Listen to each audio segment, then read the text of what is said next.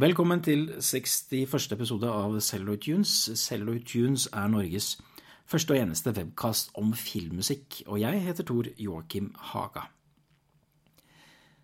Dette er en ny komponistspesial, eh, nærmere bestemt om den franske komponisten Michel Legrand, som dessverre døde tidligere i år, 26. januar eh, i 2019, nesten 87 eh, år gammel. Og da er det selvfølgelig passende å gjøre en hyllestepisode jeg har faktisk tenkt i flere år på å gjøre en episode om Le Grand, men da forhåpentligvis med muligheten til et intervju også. For eksempel så var han her i Norge og gjorde konsert bare for en ja, seks-sju år siden. Men da var jeg dessverre ikke her, og så har det ikke blitt noe mulighet siden. Og, så da har vi ikke muligheten til å gjøre intervju.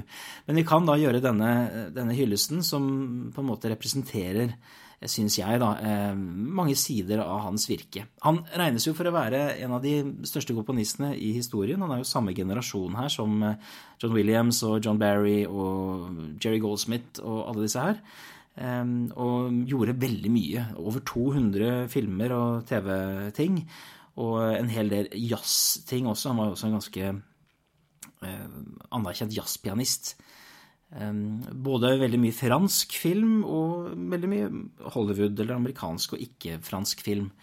Så det er nok for så vidt sånn å ta av. Han er jo da kanskje mest kjent for sitt samarbeid med franske regissøren Jacques Demy. Det skal vi komme litt tilbake til. Men vi starter faktisk med en av mine personlige favoritter, nemlig The Thomas Crown Affair fra 1968, regissert av Norman Jewison. Dette er jo en av eh, Lugans første store um, amerikanske produksjoner som han jobbet på. En, uh, en, klassiker, må vi kanskje si, med da Steve McQueen i rollen som Thomas Crown, som da er denne svært foretaksomme, bemidlede mannen som uh, får da noen menn til å utføre et bankran for seg på veldig snedig vis. Etter, hvert blir, blir, det da også en forsikringsetterforsker involvert her, spilt av eh, Faye Dunaway. Og så oppstår det da selvfølgelig et romantisk forhold mellom eh, etterforsker og røver. Ehm, og eh, det kanskje mest bemerkelsesverdige med, med, filmen, i tillegg til å være et godt eksempel på sånn 60-talls coolness, det er jo den veldig utstrakte bruken av split screens, da, hvor flere handlingselementer presenteres samtidig i samme bilderamme. Eh, nesten for mye av det gode, kan man si, men jeg tror den også var ganske innflytelsesrik i, i den forstand. Så en, en, kul, morsom klassiker, eh, og med en aldeles fantastisk score da, av Michel Legrand. Eh, I all hovedsak et litt sånn loungy jazzpartitur. Dette er jo litt i tidsrommet til John Barry og James Bond-filmene og sånn, så den har nok en del av det DNA-et i seg. Eh, men har også denne helt sånn klassiske Le Grand-melankolien, eh, og kanskje aller mest i uh, dette hovedtemaet, eller hovedsangen om du vil, da, The Windmills of Your Mind, fremført på litt sånn snakkeaktig vis av Noel Harrison. Jeg syns denne sangen er altså noe av det flotteste eh, i Legons karriere. Det er en sånn, sånn, sirkulær, nedadgående struktur i hele melodien eh, som kanskje signaliserer noe om dette her liksom uunngåelige eh, i eh, Thomas Crown sitt, sitt liv, da, altså hans passion. Altså han klarer ikke å la være å utføre disse ranene.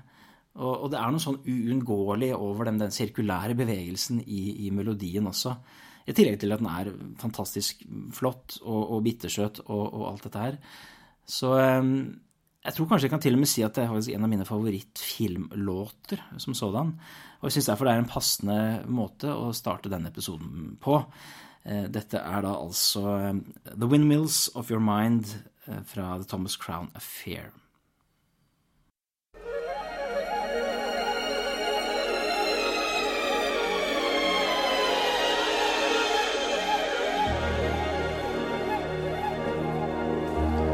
Round like a circle in a spiral, like a wheel within a wheel, never ending or beginning on a never spinning reel, like a snowball down a mountain or a carnival balloon, like a carousel that's turning, running rings around the moon, like a clock whose hands are sweeping past the minutes of its face, and the world is like an apple whirling silently in space, like the circles that you find in the windmills of your mind, like a tunnel that you follow to a tunnel of its own, down a hollow to a cavern where the sun has never shone, like a door that keeps revolving in a half-forgotten dream, or the ripples from a pebble someone tosses in a stream, like a clock whose hands are sweeping past the minutes of its face, and the world is like an apple whirling silently in space, like the circles that you find in the windmills of your mind.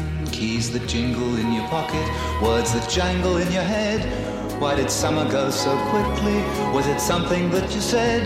Lovers walk along the shore and leave their footprints in the sand. Is the sound of distant drumming just the fingers of your hand? Pictures hanging in a hallway and the fragment of a song. Half remembered names and faces, but to whom do they belong? When you knew that it was over, you were suddenly aware that the autumn leaves were turning to the color of her hair. A circle in a spiral, a wheel within a wheel, never ending or beginning on an ever spinning reel as the images unwind like the circles that you find in the windmills of your mind.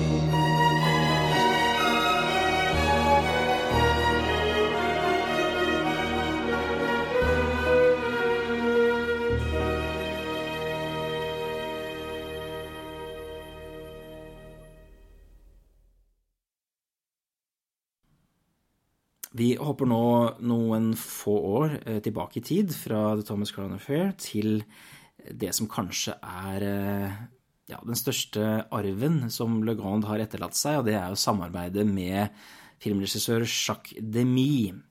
Jacques Demy som jo for så vidt vokser ut av den franske nybølgen, men som går veldig sin egen vei, da, med en veldig overdådig visuell stil, eh, inspirert av opera og Hollywood-musikaler og, og, og, sånn. Så eh, noe ganske annerledes, men noe veldig idiosynkratisk allikevel. Eh, fantastiske visuelle eh, tablåer.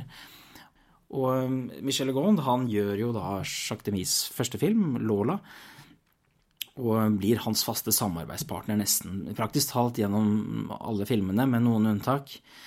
Um, og aller mest kjent her må man kanskje si at uh, Le Parapluie de Cherbourg, eller Paraplyene i Cherbourg fra 1964, um, at det er den mest kjente.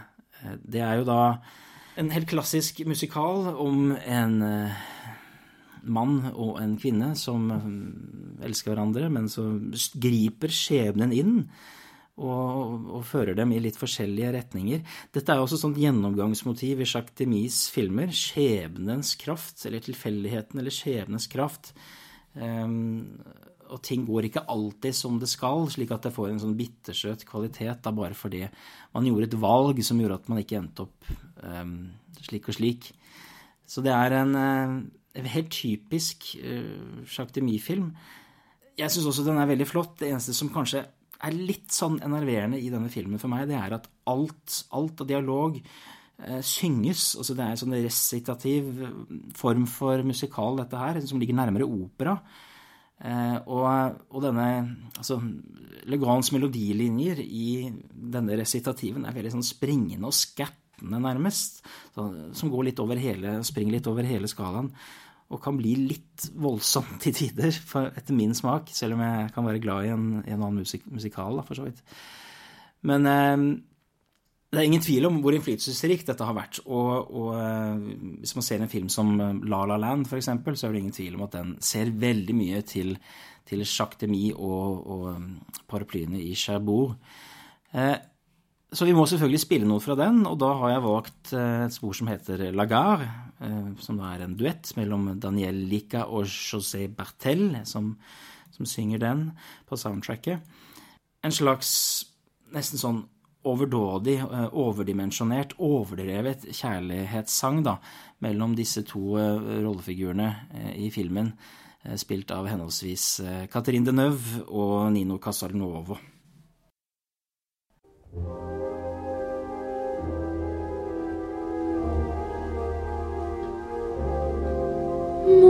amour, je t'attendrai toute ma vie. Je ne penserai qu'à toi. Ne pars pas, je t'attends.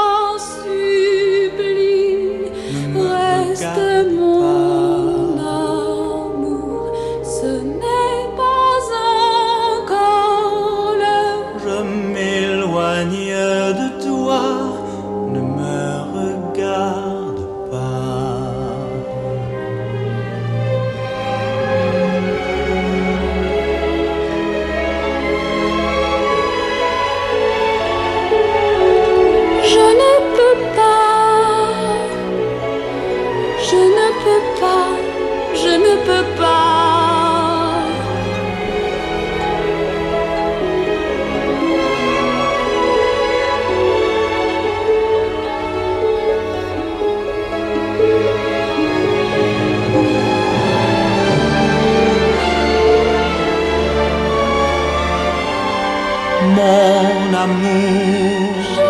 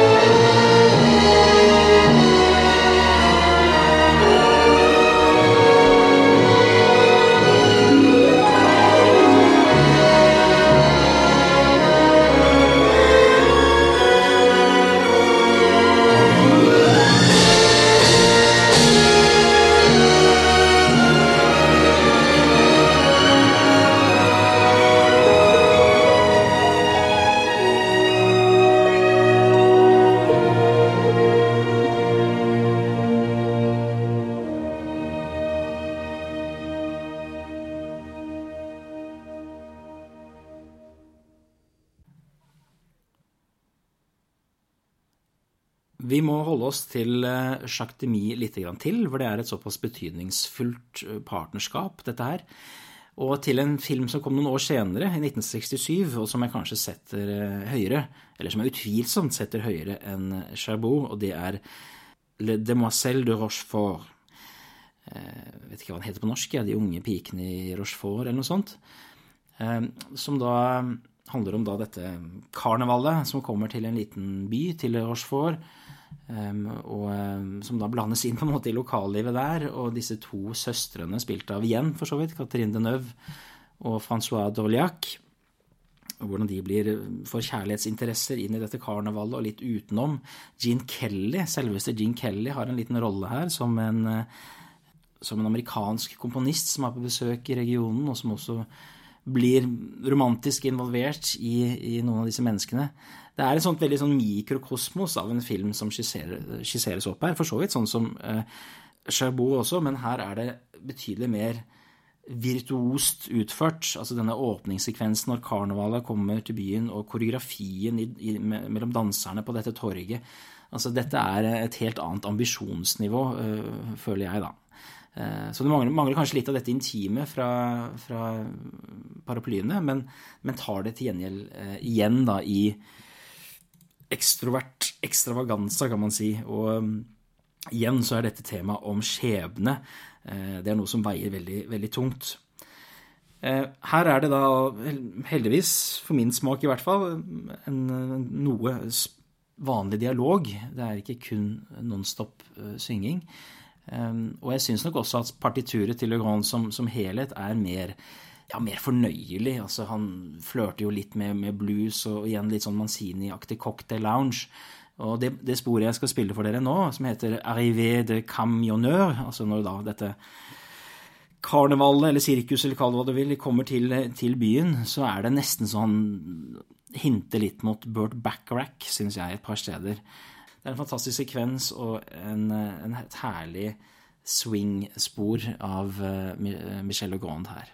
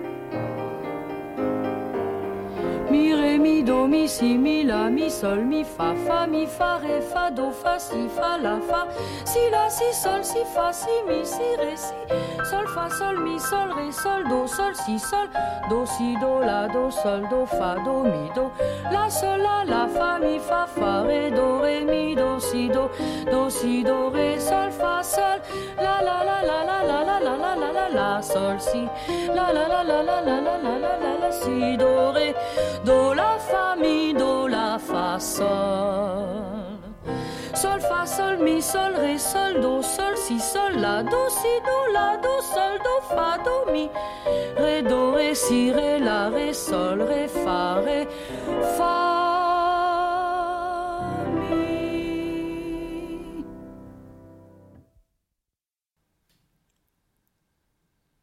Ja, jeg er ikke helt ferdig med, med Jacques Demy. Jeg har et eh, tredje eksempel, et tredje og siste eksempel også, som eh, jeg ville trekke frem fordi det ikke er en musikal. De, han gjorde jo også andre typer filmer og, og sjangere. Og um, et fascinerende eksempel syns jeg er La Bay des Anges, eller Bay of Angels, fra 1963, som vel faktisk er Jacques Demys andre spillefilm, om ikke jeg tar helt feil, etter eh, Lola fra 1961, eller noe der omkring. Dette er en film som handler om en, en ung mann som blir grepet av dette med gambling. Han reiser da til eh, La Bay des Anges, altså denne, denne stripa i Rivieraen som har mye kasinoer. Eh, og der møter han en slags femme fatale, da, spilt av Jean Moreau. Og sammen så, så, går det ikke så greit for de to, når de liksom graver seg lenger og lenger ned i, i denne gambling-avhengigheten, da. Eh, det er en ganske stilig film, dette her også. Den har en del sånne rare ting, klipperytme og sånn, som nesten er litt, litt sånn studentfilmaktig. Så det er ganske tydelig at Demi her ikke er helt eh, utviklet som filmskaper. Men den har også noen helt sånn veldig flotte teatrale kammerspill da, mellom Jean Moreau og eh, Claude Mann, som spiller denne, denne unge mannen. Um, Når det gjelder musikken her, så er det faktisk ikke så veldig mye eh, av det. Eh, det er noen små hint av la oss si Riviera-musikk som spilles her og der, men det mest slående er da dette hovedtemaet eh, som Le Grand har kalt l'amour et le jeu, altså kjærligheten og spillet. Igjen litt sånn som i Thomas Crown Affair, en sånn nedadgående, sirkulær bevegelse, men her forteller den litt mer om avhengigheten til da spillet Eh, den nesten sånn besettende kvaliteten eh, i dette her, eh, som man ikke egentlig kan flykte fra. Men så bruker han også temaet på litt fiffig vis. Det beskriver da også dette mm, litt sånn overfladiske kjærlighetsforholdet også. Så det er, et, det er et ganske sånn dynamisk tema i, i sin bruk gjennom, gjennom, filmen. Jeg vil gjerne spille det fordi jeg syns det er et av Le Grands flotteste temaer. Spesielt da med disse her sånn veldig rullerende eh, pianofigurene.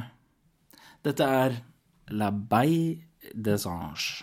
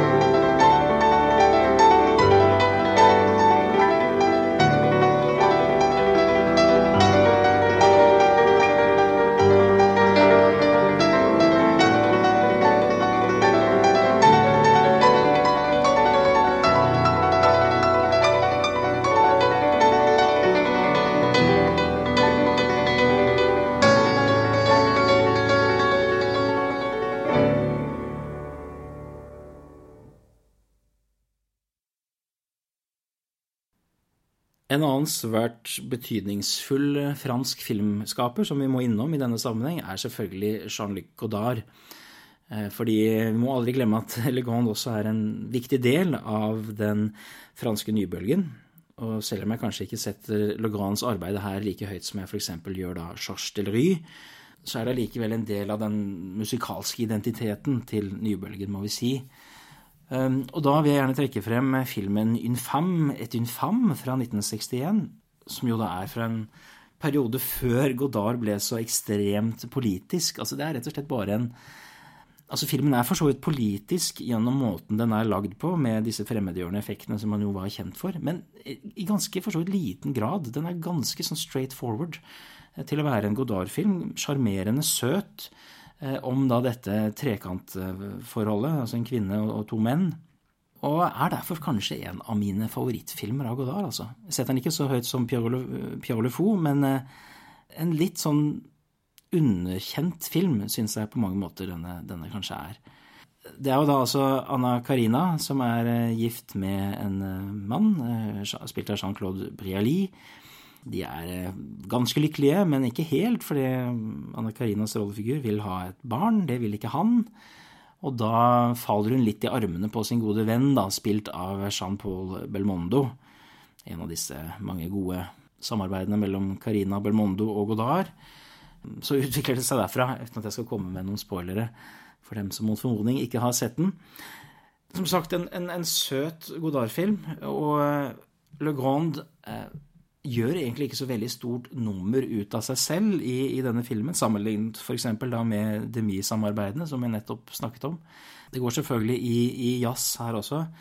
Eh, jeg har kanskje lyst til å spille en, en spor her som har kanskje mer et bluespreg, hvor da Karinas rollefigur, Obelmondo, sitter på en kafé og snakker sammen, og hun forteller om sine frustrasjoner i forhold til sin mann, hvor da Legrand spiller spor som gjerne kunne ha vært kildemusikk i kafeen, men som på et eller annet vis også speiler fjerne, men nære leken mellom, mellom disse to.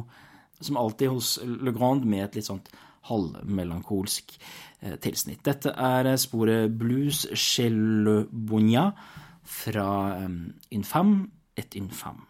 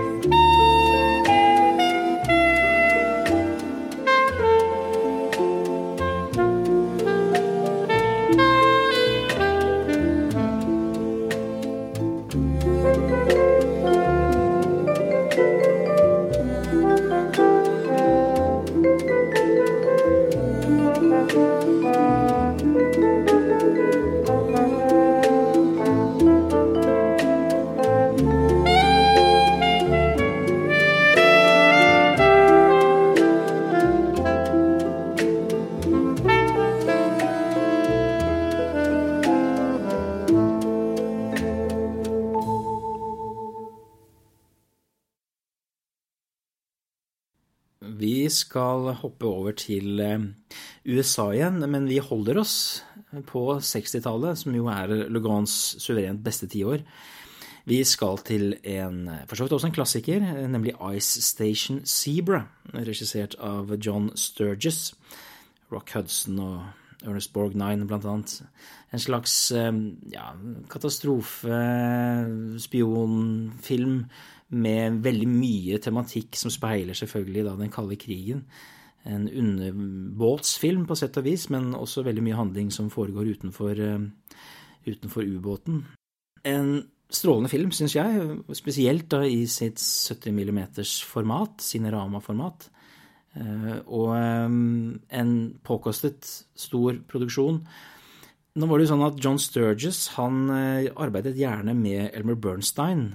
Det samarbeidet er fantastisk og veldig, litt sånn undervurdert, syns jeg. Selv om det er store hits, da, sånn som The Magnificent Seven og The Great Escape og sånn. Men i dette tilfellet, av årsaker som jeg ikke kjenner til, så jobber han da altså ikke med Bernstein, men med Michel Legrand. Og um, dette viser en litt annen side av Legrand enn bare den litt sånn jazza stilen som vi har vært gjennom nå.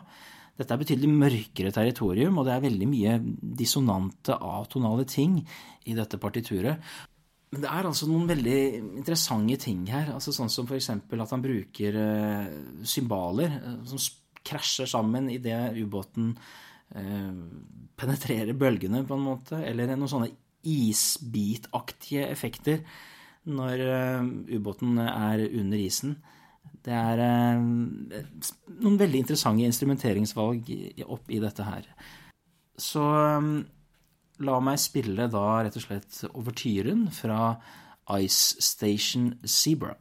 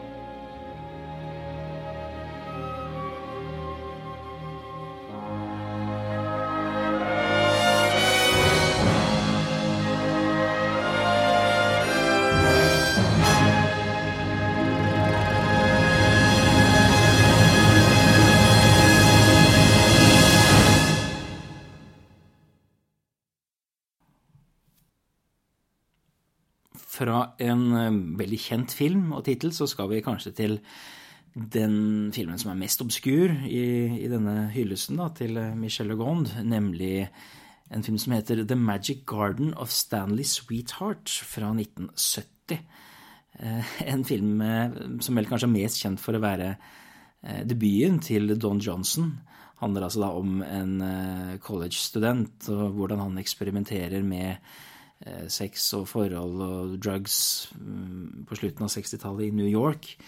Eh, et veldig sånn, veldig sånn typisk tidsbildefilm.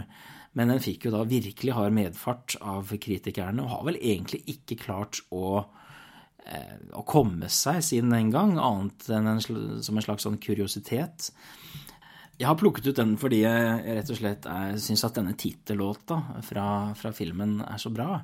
Eh, og jeg klarer aldri å få nok av Michelle Michel Legrands melankolske melodilinjer, og det er også et godt eksempel på her, da, i, i sangen fra filmen, som eh, fremføres av en fyr som heter Bill Medley, kanskje mest kjent fra The Righteous Brothers. Men han fremfører den på litt sånn, hva skal vi si, litt Tom Jones-aktig vis. Som jeg syns er, er, veldig fin. Egentlig, altså I filmen så blir den faktisk fremført av Richie Havens. Men på albumet så blir den da fremført av denne Bill Medley. Eh, en nydelig ballade som jeg hadde lyst til å, trekke frem i denne episoden. Dette er The Magic Garden of Stanley Sweetheart fra 1970.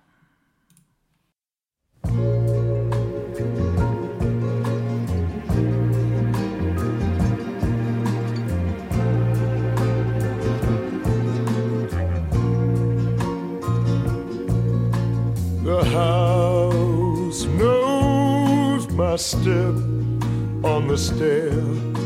The door knows my hand on the knob. The walls know the whites of my eyes, but nobody knows the sound of my voice. The wind knows its way my head. The streets meet the heels of my shoes. The rain rides the curve of my cheek. But nobody knows the sound of my voice. In the halls of night in the caves of day, on the map of time. It's all a dot, a grain, a speck, a chip, a wave breaks, but nobody sees the earth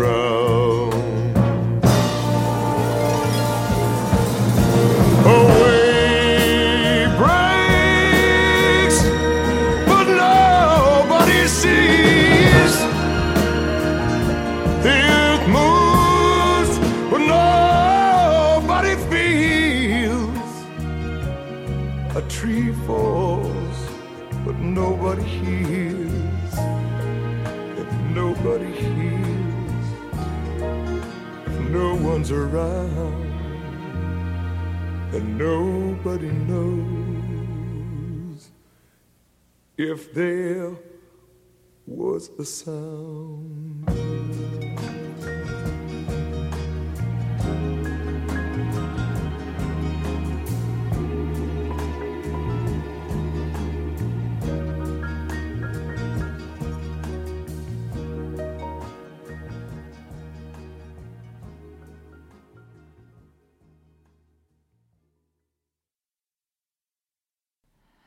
Neste film i vår hyllest til Le Grand heter The Picasso Summer fra 1969.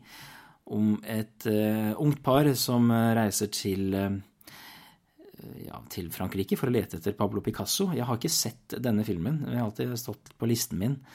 Um, jeg har liksom forhåpninger om at den kan ha noen veldig sånn sommerlige, vakre vistaer å vise til. Ikke minst fordi dette på mange måter er en slags gjennombruddsfilm for filmfotograf Wilmo Sigmund.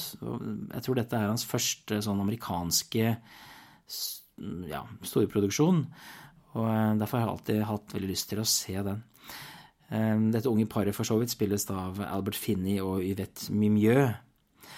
Så jeg kan ikke si så veldig mye mer om filmen, jeg, men jeg har alltid vært veldig glad i soundtracket til Le Grand. Da. Igjen så maler han med ganske bred pensel for å lage et inntrykk av denne litt sånn sommerlige følelsen som jeg har et inntrykk av filmen har med eh, fløyter som kanskje nesten mimer litt sånn fuglekvitter, og um, en lett akustisk gitar og sånne ting. Ehm, veldig, veldig, luftig score, og spesielt da dette hovedtemaet, eller The Summer Song, som jeg tenkte jeg skulle spille for dere nå.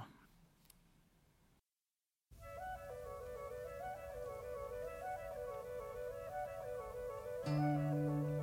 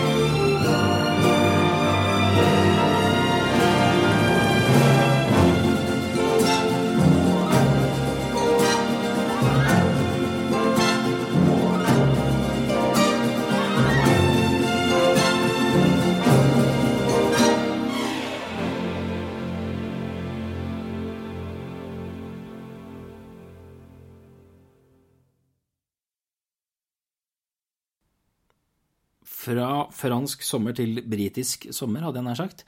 Den eh, neste filmen jeg har valgt ut, fra 1971, eh, heter The Go-Between, regissert av Joseph Losey. Og med manus av selveste Harold Pinter, da. Selv om den er basert på en, en bok fra 1953. Så um, regnes dette for å være en, en britisk filmklassiker. En veldig sånn vakker og enkel historie. Man skulle tro, siden Harold Pinter her var uh, manusforfatter, Eh, og har da adaptert manuset at det skulle være en del sånn surrealistiske eller absurde elementer. Men det er det ikke. Det er veldig sånn enkelt og vakkert i sin fremstilling av da denne historien. Som da handler om eh, en ung gutt. Vi er nå rundt 1900. En ung gutt som eh, kommer på besøk til herskapelig, en herskapelig mansion i den britiske landsbygda. Og blir på en måte en del av familien der, men etter hvert så får han også en litt annen rolle han blir da et slags sånn sendebud uh, for da den, en, en, ung kvinne på, på, denne herregården, spilt av Julie Christie, og en, um, en bonde som bor i nærheten, spilt av Alan Bates. Uh, og det er selvfølgelig svært tabu å ha kjærlighetsinteresser på tvers av klasser på denne tiden. Og Derfor må man da bruke denne, denne unge gutten Leo som et sånt bindeledd, da, derav filmens tittel The Go-Between. Uh, jeg syns det er en aldeles strålende film, eh, må jeg si. Og igjen så handler det litt om, om foto her, til Gary Fisher, en, selvfølgelig en av de største filmfotografene i historien. Hvordan han liksom lager disse duse eh, beskrivelsene av disse herskapelige, vakre omgivelsene, men hvor ting hele tiden ligger og lurer litt under overflaten. Eh, under, under denne vakre fasaden, da. Det har vel blitt laget noen eh, remakes av den også, men det er den, den originale filmen fra 1971 som er, er, verdt å trekke frem. Og jeg må jo bare si at dette også er en av mine favoritter av Michel Legrand.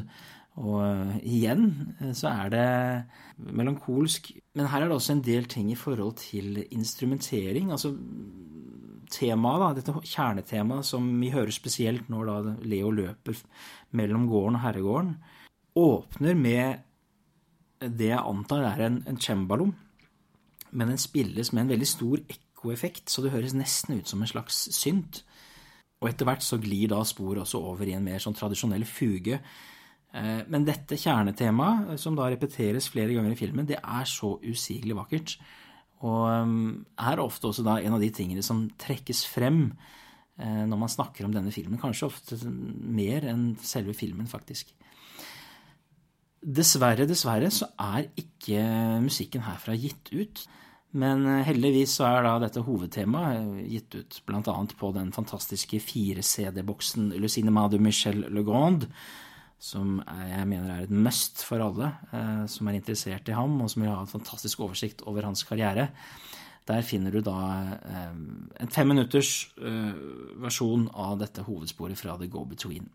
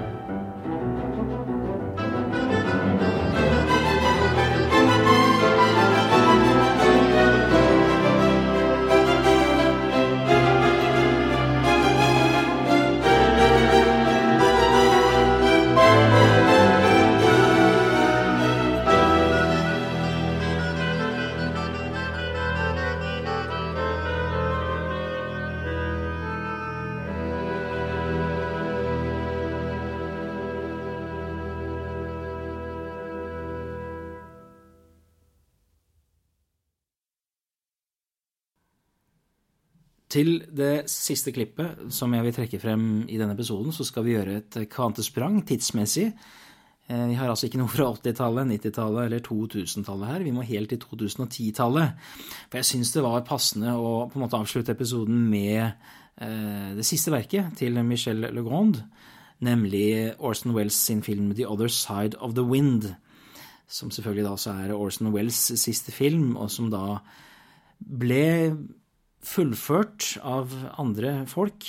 eh, og utgitt da omsider i 2018. eh, Finnes bl.a. på Netflix.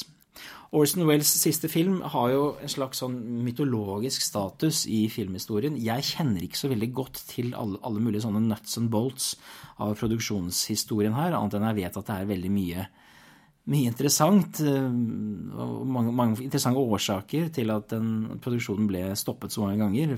Økonomiske og politiske og eh, ja, eh, juridiske osv. Eh, og jeg må si at jeg har bare kommet halvveis gjennom filmen selv på Netflix. Jeg har regner med at jeg skal fullføre den snart.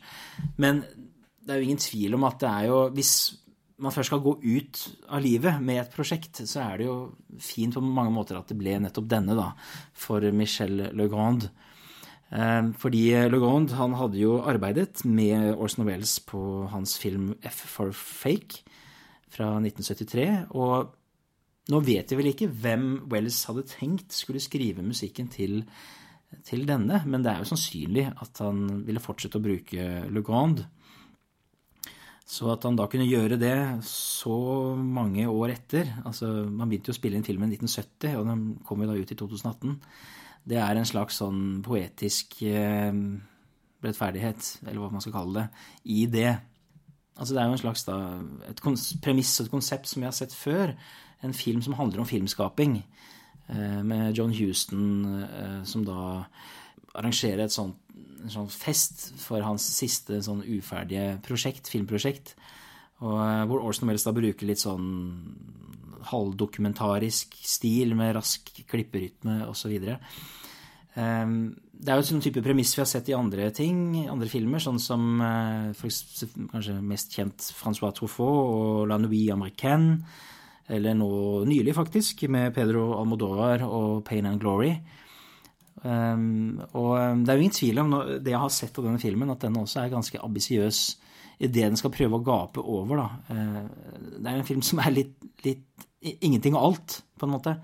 Eh, og jeg tror også det er reflektert, eller jeg mener at det er også reflektert i Le musikk, som jo selvfølgelig har en del av de klassiske gamle jazzelementene, 60-tallsjazzen og sånn, 70-tallsjazzen som, som Le var så kjent for.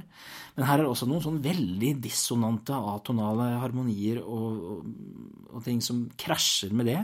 Så kommer det plutselig noe mer sånn klassisk barokkaktig musikk inn i dette her. Så det er et sånt sammensurium, postmodernistisk sammensurium, soundtrack også, i likhet med, med filmen, da. Egentlig så hadde jeg lyst til å spille noe fra Le Grands musikk til 2014-filmen La Ranson de la Gloire, eh, som jeg syns er et betydelig bedre soundtrack enn eh, The Other Side of the Wind. Men eh, jeg syns det er mest passende at de spiller noe fra, fra dette prosjektet, da, til Orson Wells. Dette er vel et av de mer sånn lyttevennlige sporene på soundtracket, som bare heter sånn chapter 1, 2, 3, 4, 5 og sånn. Dette er chapter 1 fra The Other Side of the Wind, Michelle Legons og Orson Wells siste prosjekt.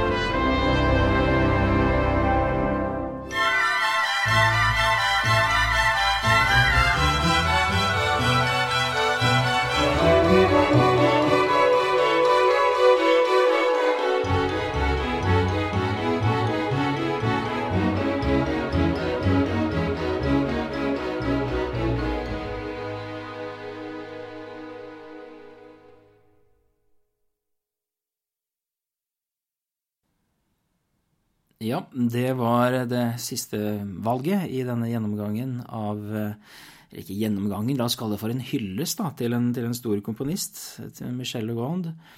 Og eh, med tanke på hvor mye han har gjort, så er det altså så utrolig mye mer jeg kunne ha spilt, som jeg syns er så flott. Tre musketerer har jeg ikke vært innom her, f.eks., eller På Dan, eller F for Fakes nevnte jeg så vidt i stad, og eh, Rob, Robin and Marion. Eh, James Bond, den James Bond-aktige filmen Never Say Never Again. Jentel, ikke minst, som var en av de filmene Le Grand fikk en av sine tre Oscar for. Eh, adaptasjonen av Jentel. Eh, med Barbara Streisand, heter hun, ja. Bilfilmen Le Mans. Ja, nei, altså jeg kunne holde på Castle Keep. Åh, oh, det er så mye flott. Også Agnes Varda sin film Cleo de Saint-Cassette, selvfølgelig. Uh, ja. Anyway, jeg, kan heller la deg som eh, lytter nevne noen favoritter i kommentarfeltet, om du vil. Yes, det var det. Um, avslutningsvis kan jeg jo beklage at det har gått så lang tid mellom webkastene her. Det er noe vi skal prøve å gjøre noe med. Litt hyppigere utgivelsesfrekvens. Men inntil neste episode så sier jeg bare vi høres.